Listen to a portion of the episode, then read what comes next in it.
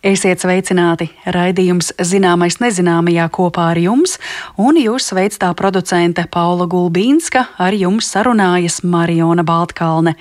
Šodienas raidījumā stāstīsim par to, kā putni un citi dzīvnieki spēj apgūt cilvēku visai būtiski pārveidotas teritorijas. Raidījuma otrajā daļā skaidrosim, kas jau šobrīd ir zināms par vēja parku ietekmi uz putnu sugām un sikspārņiem, kāpēc vēja parki varētu būt vērtīgi un kā dabas pētnieku viedoklis iet roku rokā ar lēmumu pieņēmējiem par vēja parku izveidi. Bet raidījumu iesāksim ar stāstu par dzīvi lidostu tūmā. Varētu šķist, ka lidostas teritorija ar milzīgajiem un rēcošajiem lidaparātiem nav tā vieta, kur labprāt mitinātos putni, taču izrādās, ka arī šo teritoriju apdzīvo vārnas, kājas un citi dzīvnieku pasaules radījumi. Kā ieviest kārtību un kā izkontrolēt putnu gaitas lidmašīnu tūmā, par to Zanes Lāces Baltāksnes saruna ar lidostas Rīga vecāko putnu un dzīvnieku kontroles speciālistu Mareku Arbidānu. Mēs redzam, tūlīt nosēdīsies lidmašīna, un te arī pāris bezdalīgs pa priekšpusē lido. Te pļavā. Jā, nu, pļavā, jā, pa zaļo zonu. Galvenais eh, ir skrejceļš. Skrejceļš ir prioritāte. Tas ir pats galvenais, jā, lai putni nav uz skrejceļa. Vidēji gada laikā tiek fiksētas 50 lidaparātu sadursmes ar putniem. Pēc starptautiski izstrādātiem standartiem ir noteikts, ka šādas sadursmes ir viena uz tūkstotis lidojumiem. Lidostā Rīga šis koeficients ir 0,7. Tā stāsta lidostas Rīga vecākais putnu un dzīvnieku kontrolas speciālists Mareks Arbidāns. Ieraksts notiek Mareka dienesta mašīnā.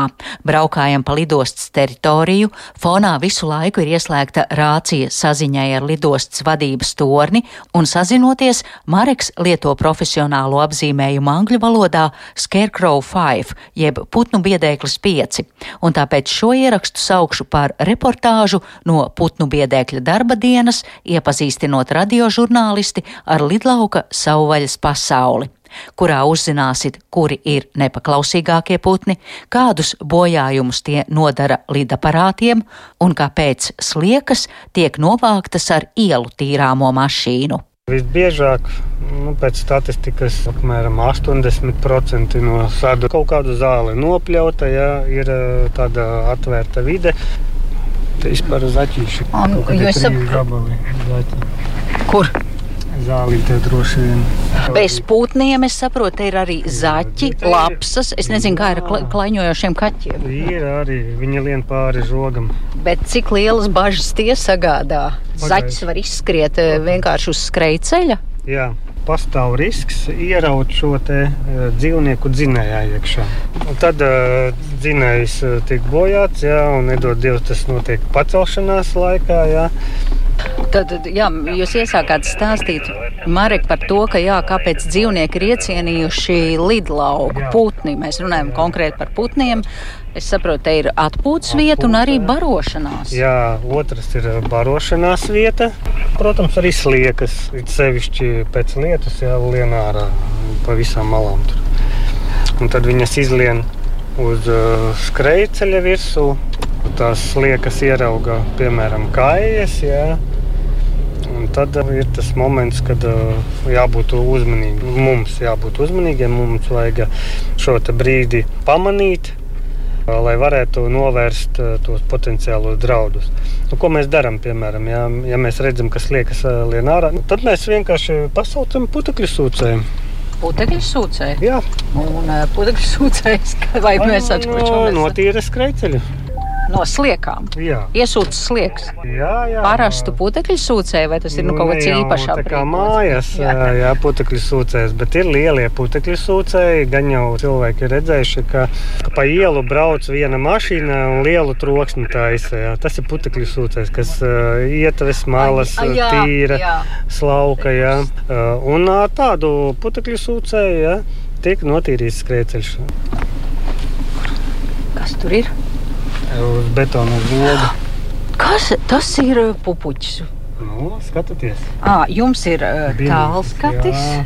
pupuķis, no, bada dzēgus ar to skaisto cekulu. Jā. Šorīt es redzēju uh, sešus gabalus. Mareks Arbidāns te strādā jau 12. gadu. Pēc izglītības nav ornitologs, taču šo gadu laikā ir iepazinis teju visas lidlaukā mājojošās putnu ģintis un izpētījis to uzvedību. Uzziņai lidostas Rīga teritorijā ir konstatētas ap simt putnu sugām.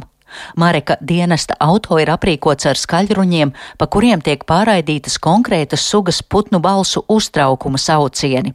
Līdzās automašīnas panelim ir novietots neliels datora ekrāns, kurā ievadīti dati par putnu izskatu, balsīm, un te arī Mareks uzskaita savā ceļā sastaptos lidoņus.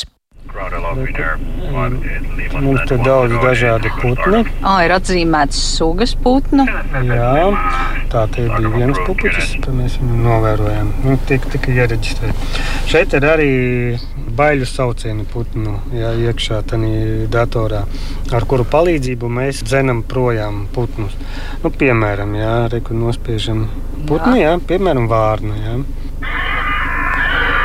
Taču es uzreiz saklausīties, jau uztraucās. Pupuķis pazuda. Jā. Bet tas ir, ja vārnas te ir tūmā, viņas dzird un viņas domā, lūk, viņu sugas māsa vai brālis ir nepatikšanās, laižamies prom no šejienes. Ja tā aptuveni. Bet vārnas ir arī tādas, kas no sākuma atlido paskatās, kas te noticis, kāpēc viņai kaut kāda nelēma notikusi. Ir bieži vien novērots, ja, ka vārnas ir Oh, Reku vesels putnu bars te pārlidoja. Jā, Raineris sēžās, jā, un ekstrādi, bet uh, strādi ir tuvu, Rainers ir tālāk. Ja man jau izskatās, ka viņi tepat Rainerim priekšā ir kādas 15 strāzdi. Ah, nē, Rainers nav, nav. arī zemāk. Jā, jā nu, nu, tur rītā jūs teicāt no rīta, tā, kad tikāmies jā, par acu piešaušanu. Jā.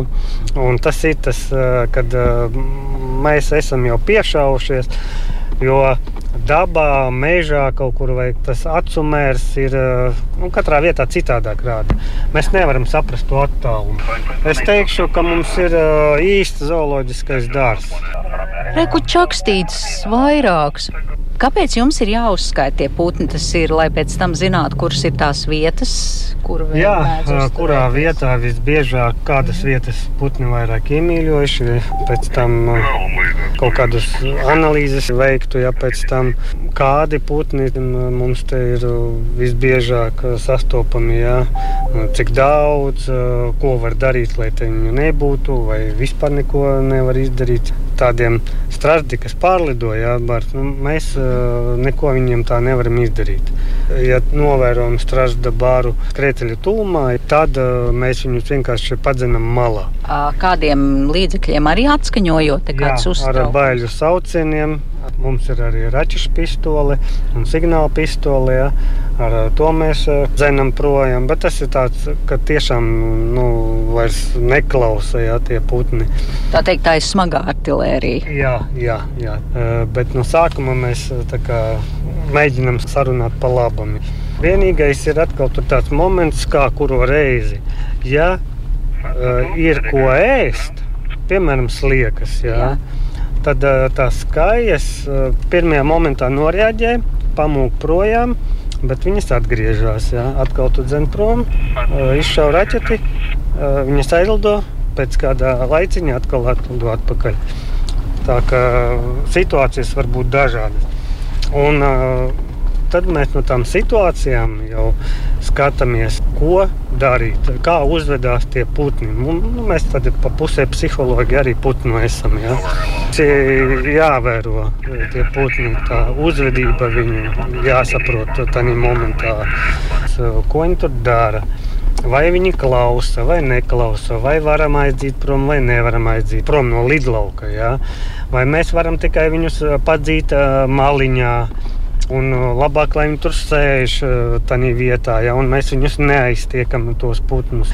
Jo, uh, ja sāks aiztikt, mēģināt dzīt prom, situācija var pasliktināties.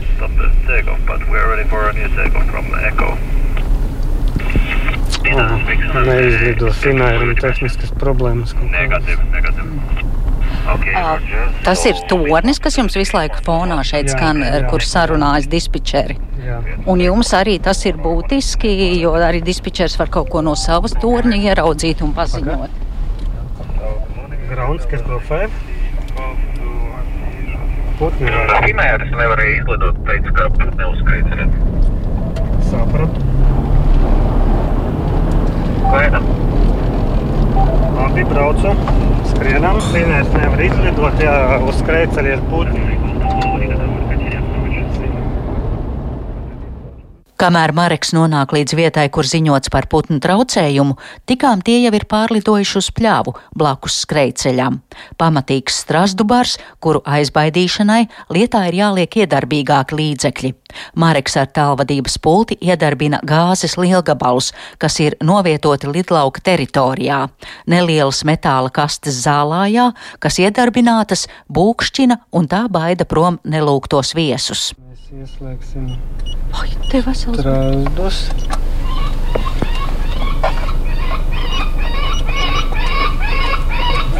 Mums ir arī gāzes lielgabals.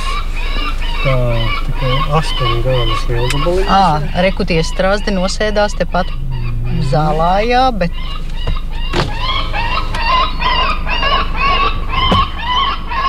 Tas zālītē, tas, tas, tas ir gāzes lielgabals. Strādi ir diezgan tādi nepaklausīgi.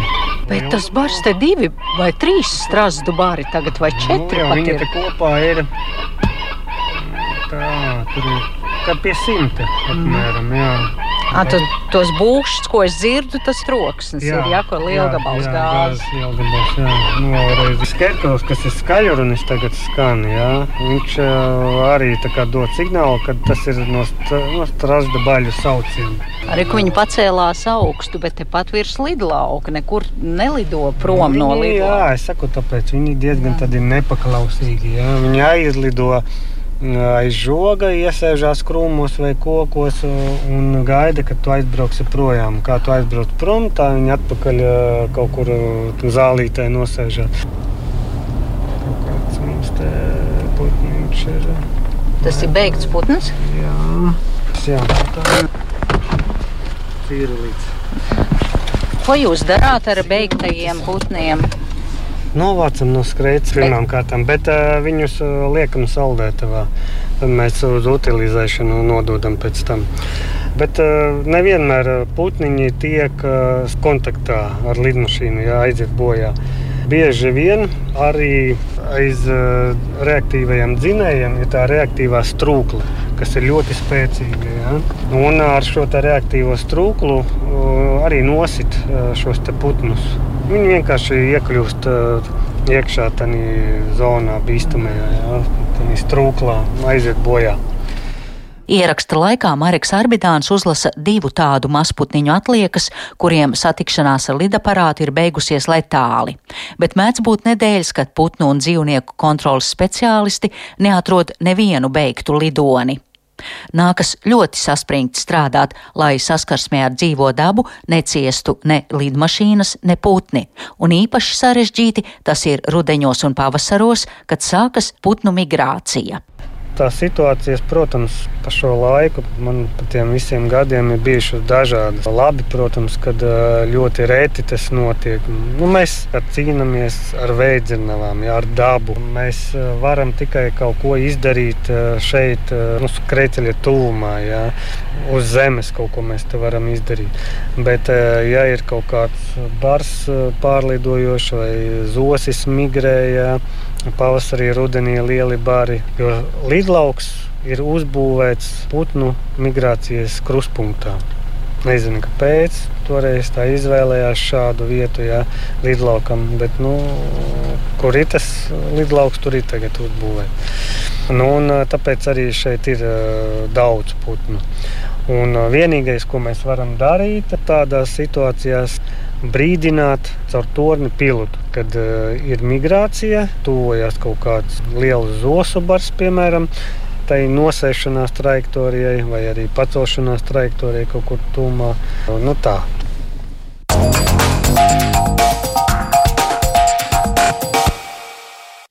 Paldies Zanai Lācei Baltalksnei, un jūs dzirdējāt stāstu par dažādu sugu dzīves gaitām lidostas teritorijā. Bet par putnu, sikspārņu un arī cilvēku ikdienu nonākot saskarē ar vēja parkiem runāsim raidījuma otrajā daļā.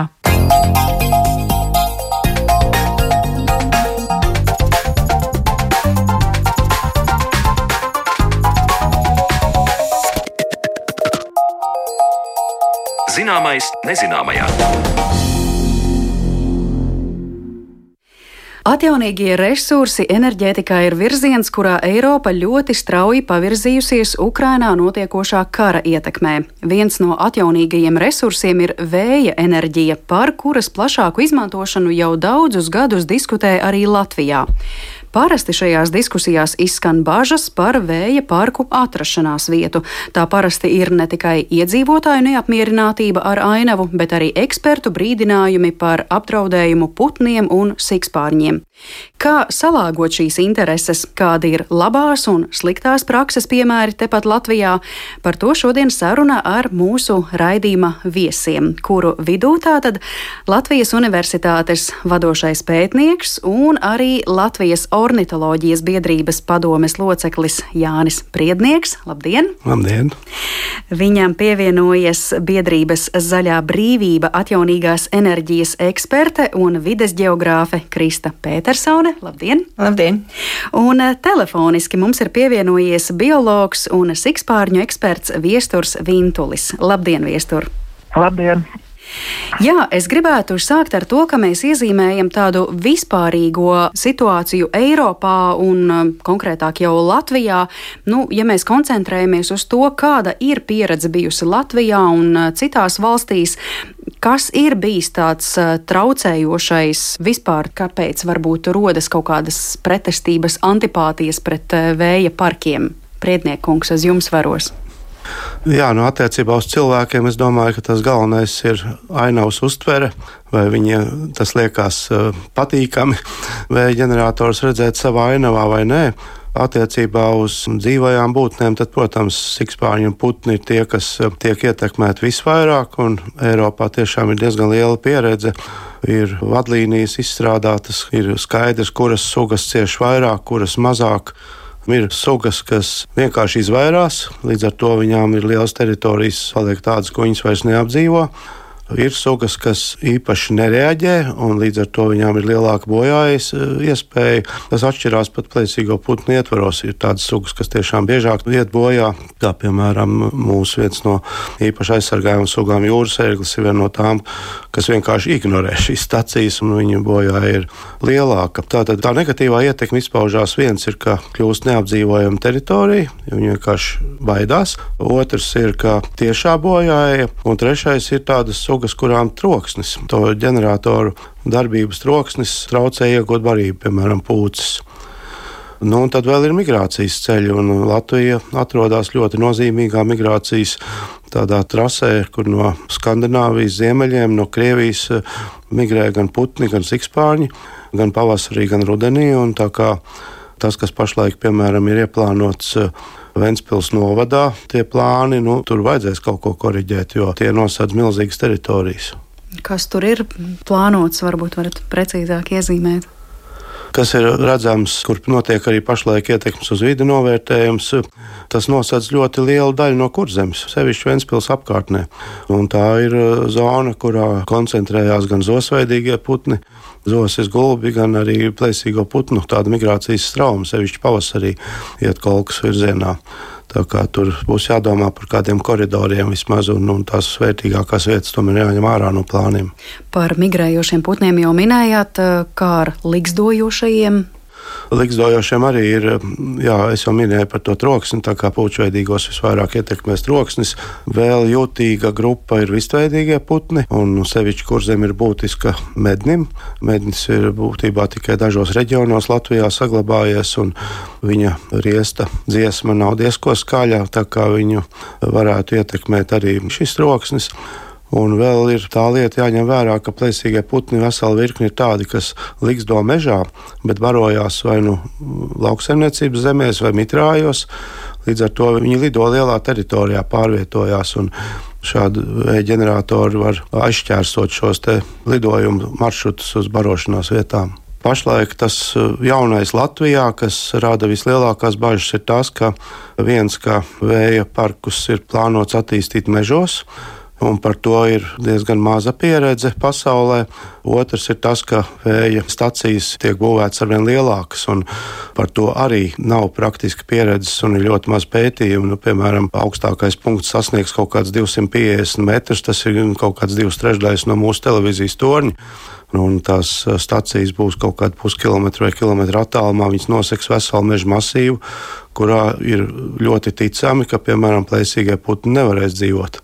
Nu, visai skarpa aina, bet nu, reāla aina attiecībā uz putniem. Sikspārņiem jau mazliet pieskārāties, bet tad es gribētu dot eh, tālāk vārdu viesturam. Viestur, kādi ir novērojumi, pētījumi veikti attiecībā uz sikspārņiem, kā to dzīves režīmu, barošanos vai jebko citu no viņu dzīvesveida ietekmē vai ietekmētu vēja parki? Tur arī ir ļoti daudz pētījumu, bet arī ir joprojām ir ļoti daudz neskaidru jautājumu.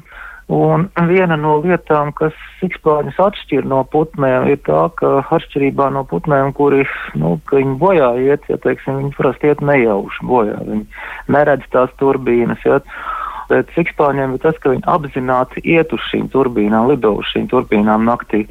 Un kaut kādu iemeslu pēc viņiem patīk to turbīnu tūmā uzturēties, jo ir diezgan daudz pētījumu tagad jau, kas liecina, ka pirms turbīnu uzbūvēšanas tur var nebūt neviena sikspārņa, un viņi parādās pēc tam, kad jau ir uzbūvēts šis turbīns.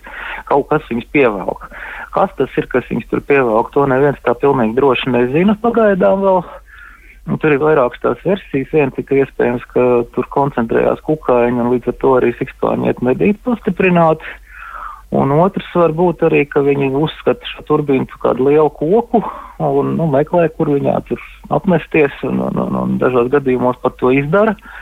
Jo ir, ir tādi novērojumi, ka kaut kādi traki tēviņi ir apmetušies, sākuši riestot un saukt mātītes šādās, šādās turbīnās. Citādi ir līdzīgi kā putnēm, ka sikspāņiem arī, protams, šī turbīna uzbūvēšana iedarbojās gan tā, ka tiešā veidā var viņus nogalināt, gan arī tā, ka vienkārši tiek kaut kādas teritorijas viņiem padarītas vai nu bīstamas, vai nepiemērotas. Un īpaši tā lielā problēma šobrīd Latvijā ir ar mežiem, jo visur citur Eiropā visās rekomendācijās, kur ir runāts par sikspārņiem, ir teikt, ka mežos un mežmalās nedrīkst būvēt. Bet no Latvijā mēs to darām tikai tāpēc, ka vienkārši nu, mums ir diezgan apdzīvota teritorija un to apdzīvotām vietām šobrīd pēc noteikumiem nedrīkst būvēt. Līdz ar to mēs ejam mežos. Un, nu, tā ir diezgan liela problēma, jo lielākā daļa sikspāņu sugu ir saistīts tieši ar mežiem. Viņi vai nu barojās virs mežiem, vai mežos, vai dzīvo mežos.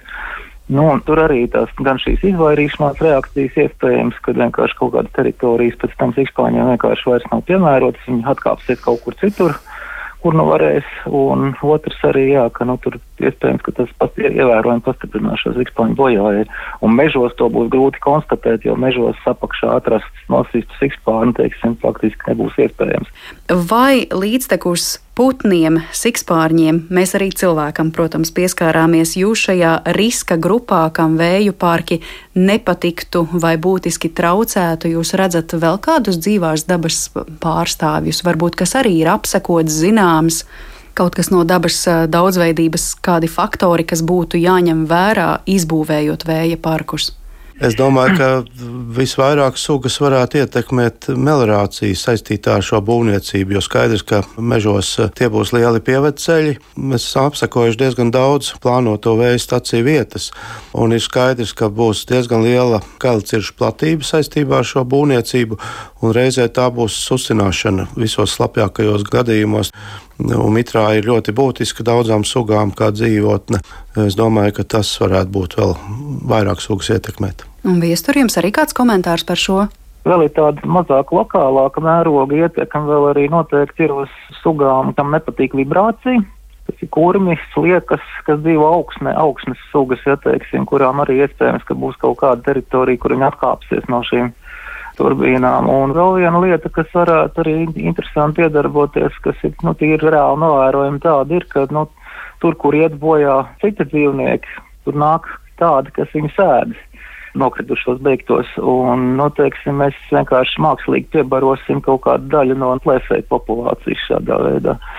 Jo nu, visur zem šiem ģeneratoriem naktīs apakšā, sevišķi migrācijas laikā, dežūrē lapsas, dežūrē āpšie, teiksim, kam tur ir ko ēst. Mm -hmm. nu, skaidrs, tad uh, izmaiņas uh, līdzsvarā vai iejaukšanās jā, tajā jā. dabiskajā līdzsvarā. Krista, kā jums, kā cilvēkam, kurš ikdienā saskaras ar jautājumiem par atjaunīgo enerģiju, Kā jūs teiktu, kā to visu tagad salāgot un cik daudz jau to ņem vērā šos aspektus, kas nepatīk putniem un sikspārņiem un cilvēkam un vēl tā tālāk? Vai tur jau briest arī kādi projekti un vadlīnijas, lai tiešām šos riskus apzinātu un risinātu?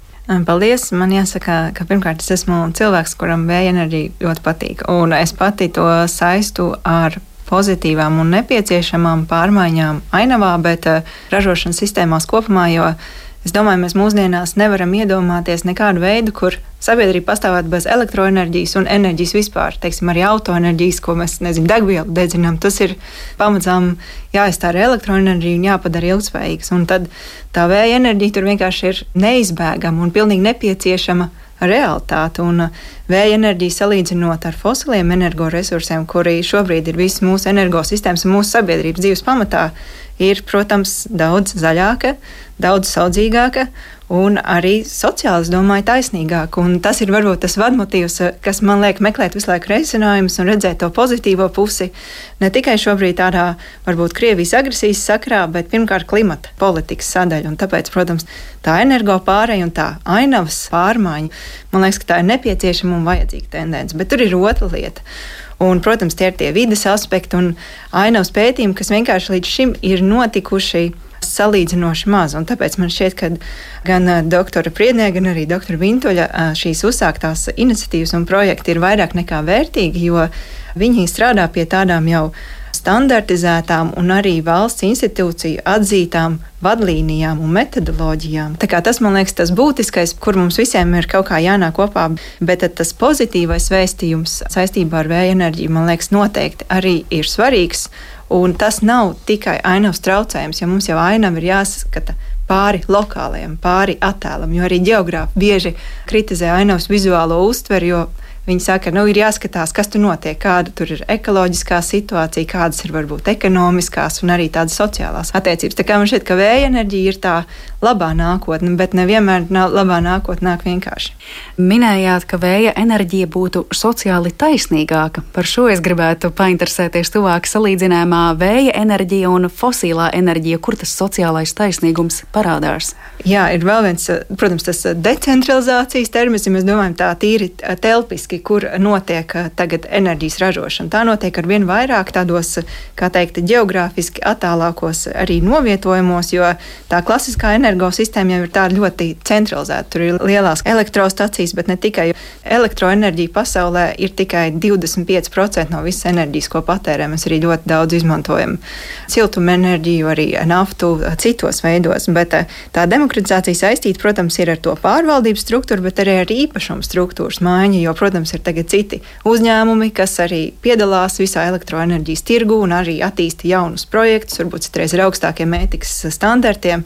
Bet arī iedzīvotājiem, nezinu, vietējiem kopienām, pašvaldībām, dažādām apvienībām ir iespēja kā, aktīvāk piedalīties šais enerģijas varbūt projektu attīstībā, gan varbūt gūstot kādu finansiālu labumu, attīstot kopējos labumu projektus, bet arī dažkārt pat uh, kļūstot par nelielu daļu īpašniekiem tajos projektos un savā ziņā cenšoties ietekmēt to attīstību sev vēlamā virzienā būšana vairāk lēmumu pieņēmējiem nekā vienkārši pakalpojumu saņēmējiem. Ja? Jā, gala lietotājs nav tikai tas, kurš izslēdz vai ieslēdz spuldzīti un tad caur nezinu, kādu portālu apmaksā rēķinus. Jo tā ir visa šī uh, Eiropas Savienības, man liekas, klimata enerģētikas politikas tā galvenā vēsts, ka mēs ejam uz tādu lietotāja centrētu energosistēmas attīstību, kur tam lietotājam gan, protams, vairāk tiesības, bet viņam arī tie pienākumi izprast, kā tas notiek, redzēt to par un pret un, un arī saprast varbūt to citu sabiedrības dalībnieku lomu un iesaisti un sadarboties noteikti.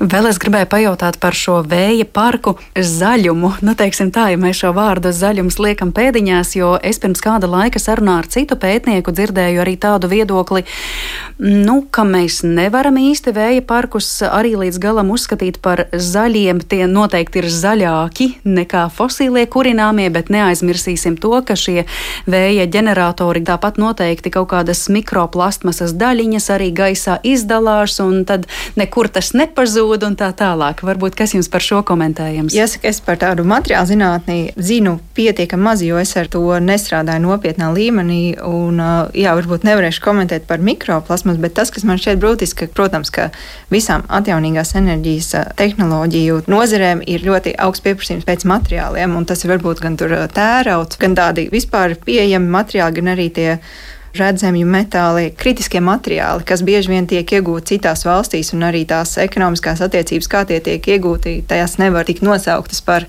ekonomiski taisnīgām. Bet te atkal ir tas bet, ka mums šīs tehnoloģijas ir nepieciešamas tādai varbūt ilgspējīgai sabiedrības un visas pasaules arī ekosistēmu attīstību trajektorijai. Tas vienkārši tā ir un ka tieši mēs varam mainīt, kā tie materiāli tiek iegūti.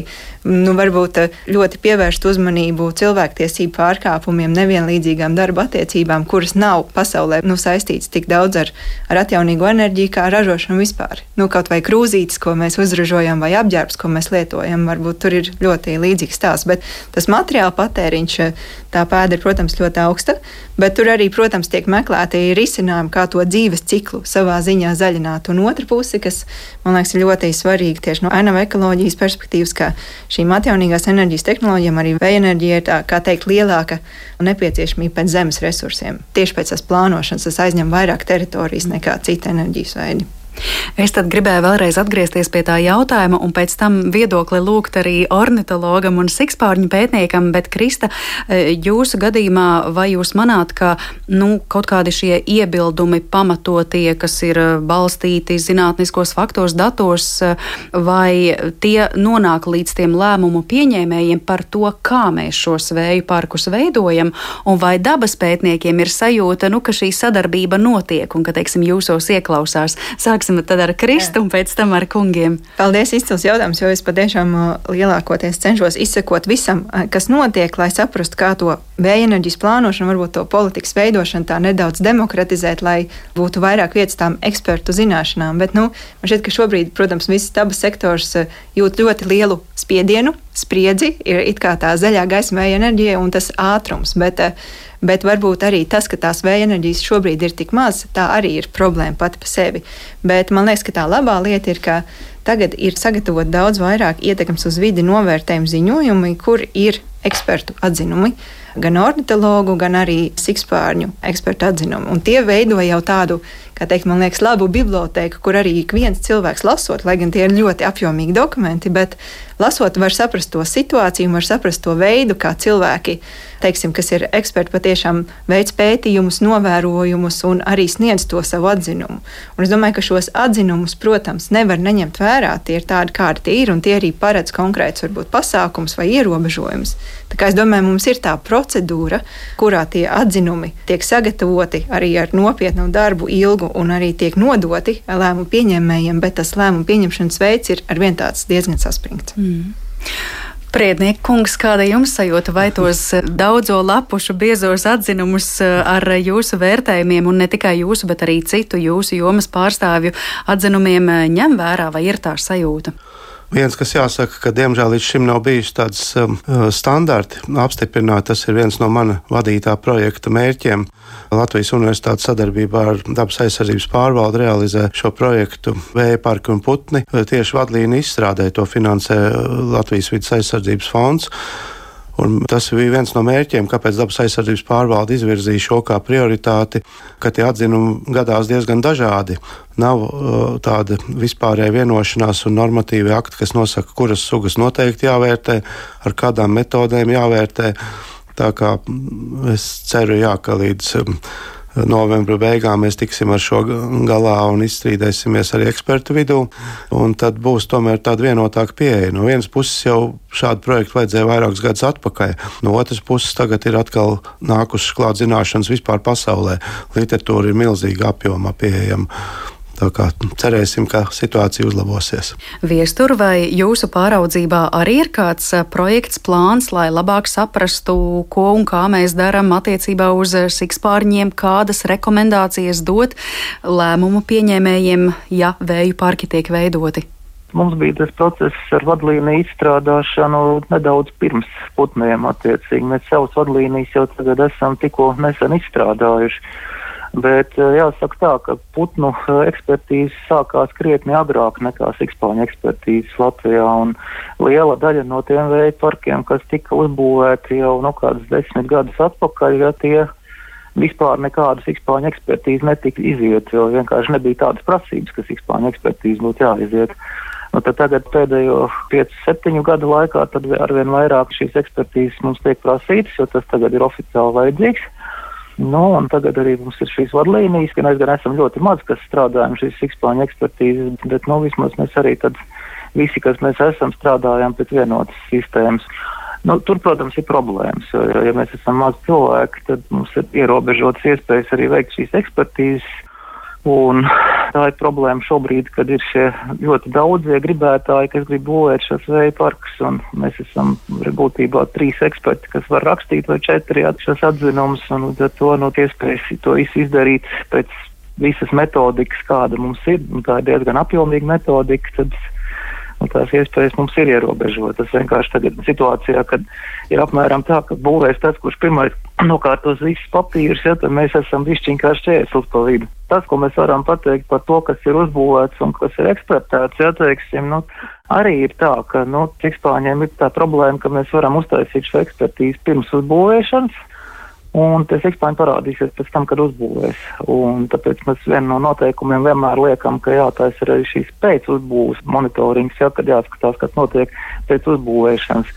Bet, cik es zinu, laikam tāds pēc uzbūvēšanas monitorings šobrīd, man liekas, vispār tikai vēja par kā ir noticis. Un, nu, tur īsti nav arī skaidrs, cik viņš tiks prasīts un darīts pēc šīs uzbūvēšanas. Tas pagaidām arī vēl īsti līdz galam tas jautājums nav sakārtots. Tad eh, sanāk, ka nevienmēr ir iespējams paredzēt visu, kas ar šīm eh, sugām notiks eh, pirms vēja parku uzbūvēšanas, kā jūs minējāt, sikspārņi var parādīties arī pēc tam, vai mēs attiecībā uz putniem varam visu paredzēt, izkontrolēt, vai viņi tur arī gadījumā neiemaldās, lai gan viņiem tur nevajadzētu varbūt būt. Nu, noteikti pēc uzbūvēšanas monitorings ir vajadzīgs, jo viena lieta, kas ir trūkums līdzinējā novērtēšanas metodikā, ir tā, ka faktiski eksperts vērtē atsevišķu vēja staciju bet uh, ekspertam ir ierobežots iespējas novērtēt kumulatīvo ietekmi.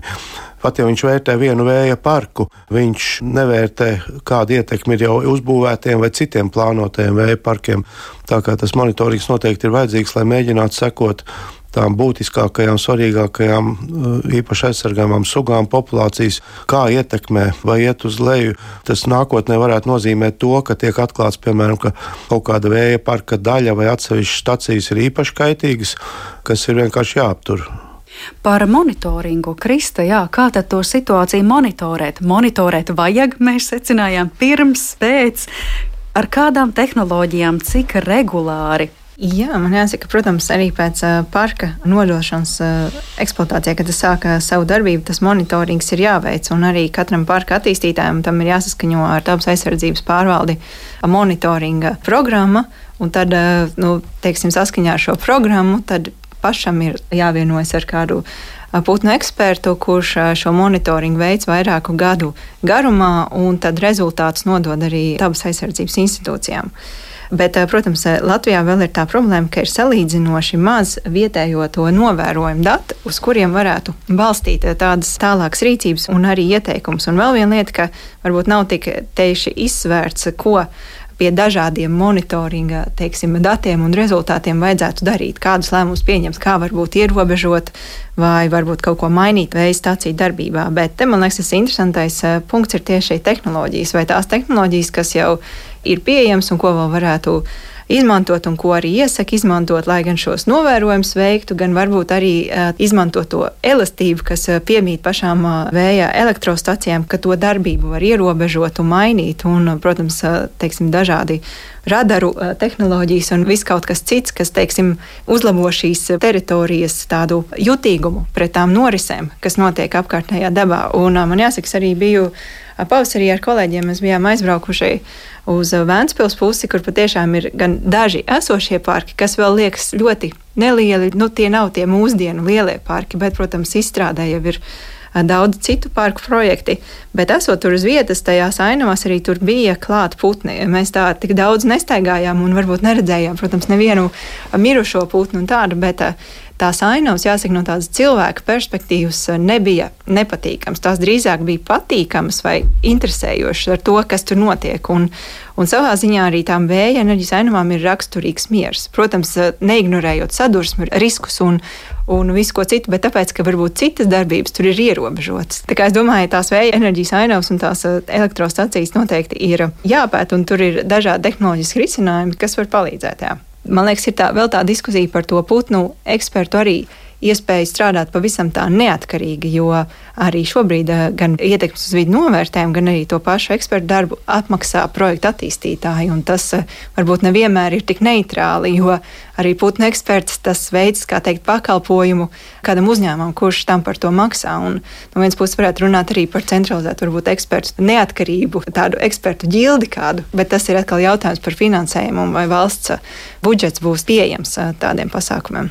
Jūsu pārstāvētā biedrība arī īsteno, piemēram, projektu Wind for Bio. Jā, bet tas droši vien nav stāsts par monitoringu, bet vairāk, lai saprastu, kas ir vēja parki. Jā, mēs šajā projektā sākām ar to, ka meklējam vispār tādas labās prakses. Latvijā mēs arī salīdzinām to ar Poliju un Grieķiju, kas ir atšķirīgas situācijas. Nu, Latvijā tās labās prakses nebija tik daudz tādas varbūt projektu mērogā, bet tieši tās jaunās iniciatīvas, kā metodoloģiju, vadlīniju izstrādes, tādu datu uzlabošanu un varbūt jau tādas pirmie arī tie monitoringa veikšanas pasākumi. Un tad mēs eh, arī izstrādājam tādu eh, dabas daudzveidības risku mazināšanas plānu. Ieteikumus, eh, kas bieži vien būs saistīti tieši ar to, ko jūs sākumā minējāt, to teritorijas izvēli, to teikt, interešu salāgošanu. Jo kas ir būtiski, ka jo vairāk ir tādi iebildumi pret vēja parkiem tādās apdzīvotākās vietās, varbūt lauksaimniecības zemēs, jo vairāk ir jāspiež tie parki tieši neskartajās teritorijās, un mēs gribam mazināt teiksim, to spiedienu uz to dabu, kurai ir jāpieņem vēja parki, jo citādi tie nepatīk. Man liekas, tieši tā pieņemšana un tā interese par vēja enerģiju, redzēt to tuvāk sev, tas eh, nevis sev tieši, bet varbūt tādām ikdienas ainamām. Tas ir kritiski. Jo, protams, ja vēja turbīnas ir netālu no ceļiem, tad vēja turbīnu skaņa ir gandrīz vai nepamanāma, vai pat klusāka nekā šoseis skaņa. Tas vienkārši ir jāsalāgo ar tie, kādi ir dažādi trokšņa avoti. Mēs, teiksim, pilsētā dzīvojot, sastopamies ļoti ar daudziem trokšņa avotiem, ko mēs nevaram ne ietekmēt, ne vienmēr arī jūtamies komfortā ar to. Pietuvojoties sarunas noslēgumam, es tad arī gribēju salikt punktus uz zipa ar šiem labās prakses piemēriem, ko arī pieminējāt, un varbūt arī vēlreiz uzsvērt kādu to risku un sliktās prakses piemēru. Līdz šim mūsu sarunā es jau esmu tātad sapratusi, ka ir veidotas šīs vadlīnijas par vēja parku ietekmi uz putniem, uz eh, sikspārņiem. Būtu īpaši jādomā par to, ka vēja parkus nevajadzētu veidot mežu teritorijās, kas ietekmē sikspārņus, vai visā šajā vēl varat minēt kādus labās prakses piemērus tepat Latvijā vai Eiropā, un arī kādu risku, no kā ir ļoti jāuzmanās, veidojot vēja parkus. Nu, Latvijā lielākie riski tiešām ir jūras piekraste. Tas ir gan attiecībā uz putnu, gan sikspāņu migrāciju. Mežos tas ietekmē ne tikai sikspāņus, bet arī īpaši jau plēsīgos putnus, vistveidīgos tas varētu ietekmēt. Nu, daudz mazāki zaudējumi dabai būtu sagaidāmi, ja vēja parkus būvētu piemēram zemgālas lielajos tīrumos. Daudz mazāk būtu jāpārveido zemes virsma. Tā kā tur, man liekas, būtu vieglāk tos kompromisus atrast nekā mežā. Kas attiecās uz tehnoloģijām, tad, protams, tehnoloģijas attīstās. Kristi jau pieminēja radaru sistēmas un arī automātiskās fotokameras ir attīstītas tādā tehnoloģijas, ka, piemēram, konstatē, ka tuvojās kaut kāds ērglis vēja ģeneratoram un tiek apturēts apturēta turbīna. Tā kā tas droši vien, ka Latvijā būs arī jāievieš. Nu, protams, attīstītājiem, jā, visā pasaulē attīstītāji ir tie, kas maksā gan par izvērtēšanu, gan arī pēc uzbūvēšanas monitoringu. Bet sistēmu varētu gan pilnveidot, lai tā nav tiešās attiecības ekspertam ar attīstītāju, bet ka būtu institūcija, mm. kurā viņš pasūta šo darbu. Jā, viestura. Arī sikspārņiem ir šie izstrādātas un tiek pilnveidotas dažādi šie mehānismi, kā samazināt sikspāņu bojāja vislielākā riska apstākļos. Jo, teiksim, tas ir parasti tas ir pie lēna vēja. Ja vējš ir mazāks, arī augšējos slāņos, tad sikspāņi var lidot medīt augstāk, ja vien tur ir kukaiņi. Sevišķi migrācijas laikā tas tā notiek, un tad, nu, attiecīgi, šie riski ir augstāki, ir speciāli algoritmi, kas atslēdz eh, turbīnu darbību pie noteikta vēja stipruma, noteiktiem laika apstākļiem, kad ir viss šis paaugstinātais sikspāņu klātbūtnes risks šādi mehānismi tagad jau ir diezgan plaši tiek ieviesti. Nu, tur var strīdēties, protams, cik viņi efektīvi darbojās kurā reizē, bet, bet nu, katrā ziņā tas ir noteikti vairāk nekā nekas. Lielākas problēmas ir, kad ir doma, ka varēja arī kaut kādas atbaidītājas varbūt uztaisīt, kas ultraskaņas diapazonā darbojās, bet diemžēl tas mūsu klimatā praktiski nav iespējams. Jo, jo, jo ultraskaņa izplatās ļoti nelielu attālumu mitrā laikā, miglā, ja teiksim, mums jau tāds migls ir gandrīz nepārtraukts tur augšējos slāņos, kur zemē mākoņi iet. Un līdz ar to nu, tas vienkārši tīri pēc fizikas nav reāli izdarāms. Bet nu, tādi šie atslēdzēji, jā, tādi mehānismi ir un tie tiek lietot, un tos mēs arī rekomendējam savos atzinumos. Mm, skaidrs, tad ir iespējams gan monitorings pirms vēja parku izveides, gan nepieciešams monitorings pēc to izveides. Un no jūsu abu teiktā es saprotu, ka ir arī iespējams aktīvi iesaistīties procesa laikā un kaut ko jau laikus apturēt. Svarīgi ir, lai ir šī interese un vēlme to darīt, vai ne? Nu jā, un, protams, uzkrāt datus un saprast eh, vēl un vēl, kā un ko tas uh, ietekmē. Jā, Krista, vai jums arī vēl kāds komentārs par šo varbūt sadarbības procesu?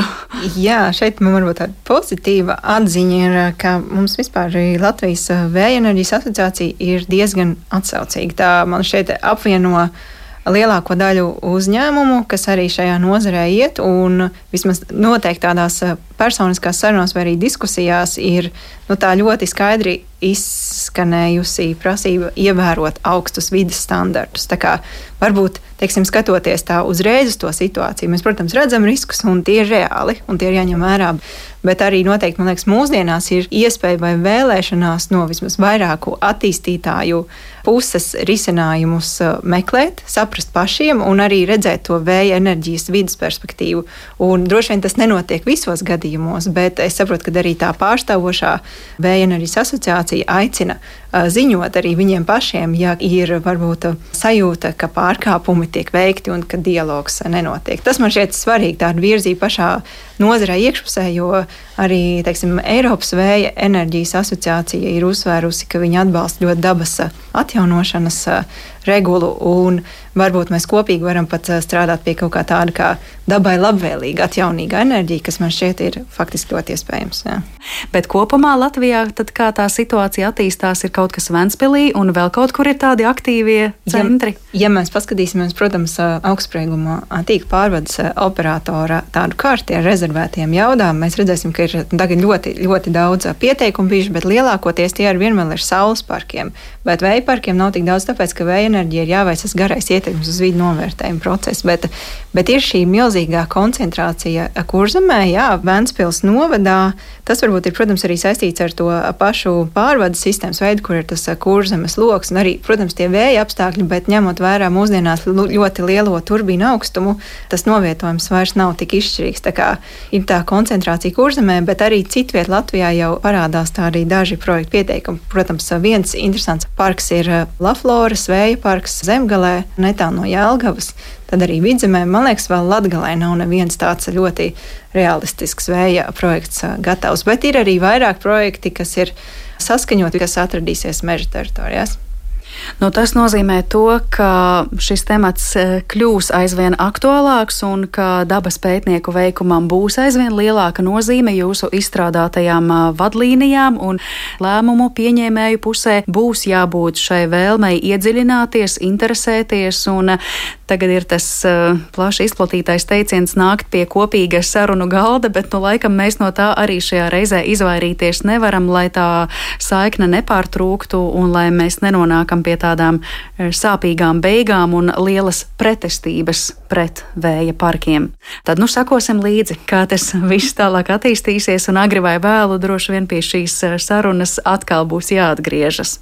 Bet eh, šodien eh, zināmais nezināmajā studijā viesojās, un es saku paldies Latvijas Universitātes vadošajam pētniekam un Latvijas ornitoloģijas biedrības padomis loceklim Jānim Priedniekam, biedrības Zaļā brīvība atjaunīgās enerģijas ekspertei un vides geogrāfei Kristai Petersonai, un attālināti ar mums bija biologs, sikspārņu eksperts Viesturs Vintulis. Ar to arī šīs dienas raidījums izskan. Par to parūpējās Paula Gulbīnska, Ansis Pavasaris, Elizabete Šaicānova un ar jums pie mikrofona bija Mariona Baltkalne.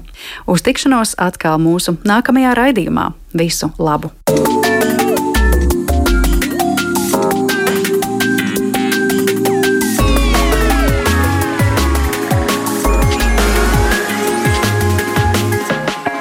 Zināmais nezināmajā.